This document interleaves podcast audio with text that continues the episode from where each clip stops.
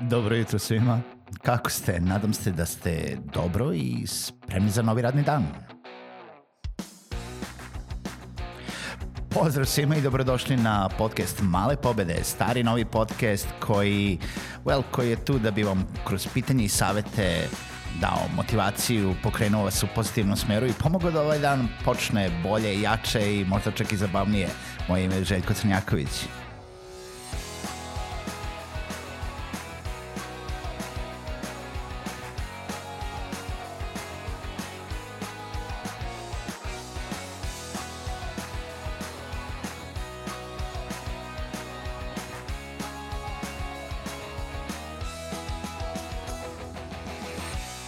Pozdrav svima, dobro jutro i dobrodošli u novu epizodu podcasta Male pobede.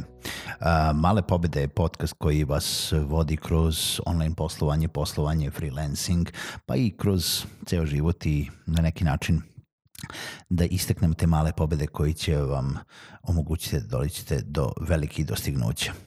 Ukoliko želite podržite podcast Male pobede, možete to uraditi na Patreonu, www.patreon.com kroz male pobede i zahvaljujem se svima koji to su već uradili ili će uraditi u nekom skorijem periodu. Danas pričamo vezano o marketingu. Danas pričamo za marketing i pričamo o personama ili fiktivnim personama na kojima možete bazirati vaš marketing. Sigurno ste čuli termin buyer persona. Um, to je termin koji se jako često pominje u tom nekom sadržajnom marketingu, content marketingu uh, i služi um, zapravo da bi odredili vašeg idealnog kupca. To jest, ne samo da bi ga odredili, nego da bi na osnovu te uh, persone idealnog kupca uh, sačinili vaš marketing mnogo lakšim i uh, personalizovanijim za vašeg idealnog kupca. Zašto to treba uraditi? Zato što kada kreirate poruke u vašem marketingu, uh, i šta god da prodajete, nebitno da li prodajete uslugu ili proizvod, e, vaša poruka je uvek usmerena ka vašem idealnom kupcu i treba da bude usmerena. Vi ne možete da prodate i niste tu za široke narodne mase ili veoma redko se to radi, nego vi uvek komunicirate sa, ili bi trebalo to da radite, sa vašim idealnim kupcem. Vi se identifikujete sa njime i oni postaju vaši ambasadori. I oni, uh, va, uh, gađate to uh, malo niče tržište gde, ćete, gde će vas ti idealni kupci zavoleti kao brand i uvek biti verni. I onda će se naravno tu prikačiti i svi ostali i to na, ne mora da bude jel da, uh, ne znači da ako se obraćate idealnom kupcu da nećete privući nikoga drugoga, nego je jednostavno da ćete uvek kreirati marketing ka njemu ili njoj i onda sa time komunicirati i ostvariti bolje rezultate. Šta je u stvari idealni kupac? Idealni kupac je fiktivna persona, fiktivna osoba koja je uh, sačinjena uh, bukvalno da ima sve osobine i karakteristike nekog vašeg idealnog kupca. Na primer, zamislite, znači, Marka Markovića i nazovete vašu personu Marko Marković. Vi treba o njoj da znate sve što možete pre nego što uđemo u detalje kako se to radi, uh, treba da znate da je naj jednostavnije i najbolje ovo uraditi, to je kreiranje te idealne persone, tako što ćete jel da postojite i radite već određeno vreme i otići u neku vašu bazu potrošača i napraviti analizu ili još bolje uzeti i nazvati vaše uh, potrošače ili uh, klijente i ispitati ih sve ono što bi trebalo da znate uh, kako bi kroz taj razgovor saznali podatke koji su vam potrebni za kreiranje te fiktivne persone. I onda na osnovu uh, gomile intervjua vi možete da sačinite vašeg idealnog kupca.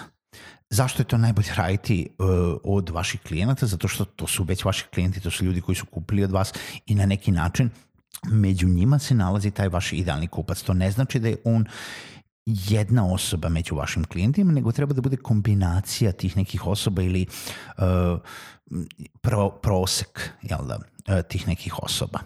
Koje su najčešće osobe koje kupuju od vas?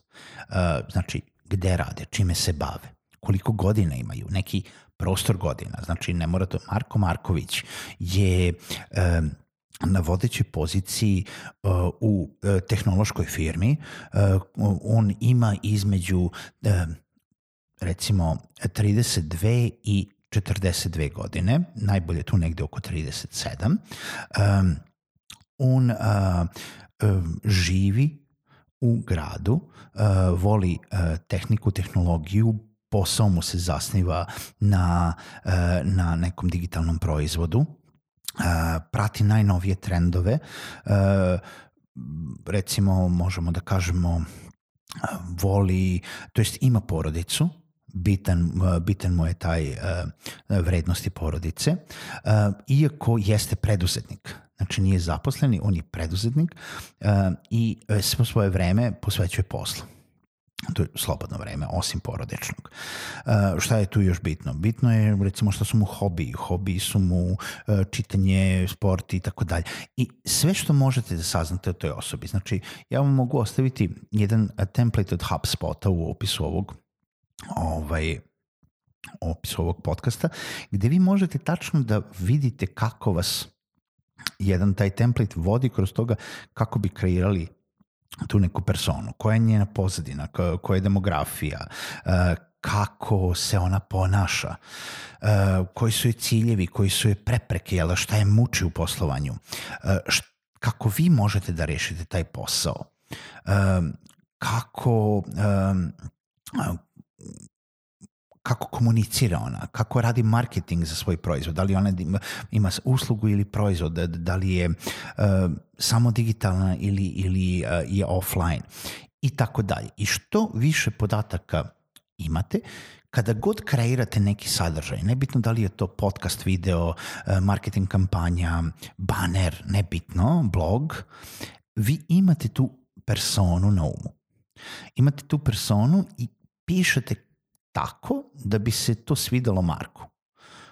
Pišete tako da u odnosu na sve ono što znate ili pretpostavljate o Marku, uh, Marko bi bio zainteresovan to da pročita. E sad, šta je poenta? Poenta jeste da prvo, uh, ukoliko jel, da nemate dovoljno klijenata ili ste na početku nekog svog uh, poslovanja, onda nemate tu neku osnovu u klijentima i potrošačima da možete da napravite pravu analizu. To nije problem vi možete to da pretpostavite. Možete da kažete ja kreiram ovaj sadržaj, ja na primjer kreiram ovaj podcast za određenu fiktivnu personu.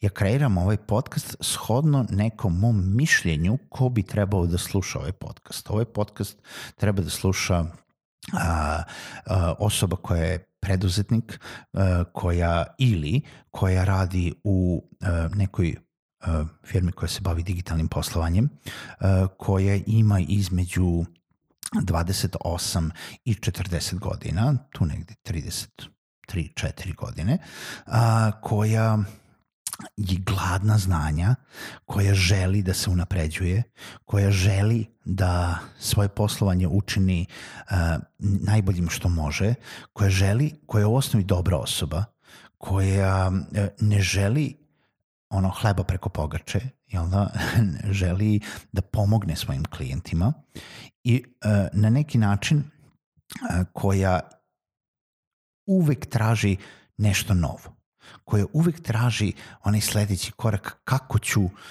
da isplaniram dalje. I nebitno da li je to ne samo u poslovanju, nego u životu, koja želi nešto uh, da promeni, koja želi uh, da, da uvek gura napred, da rije napred.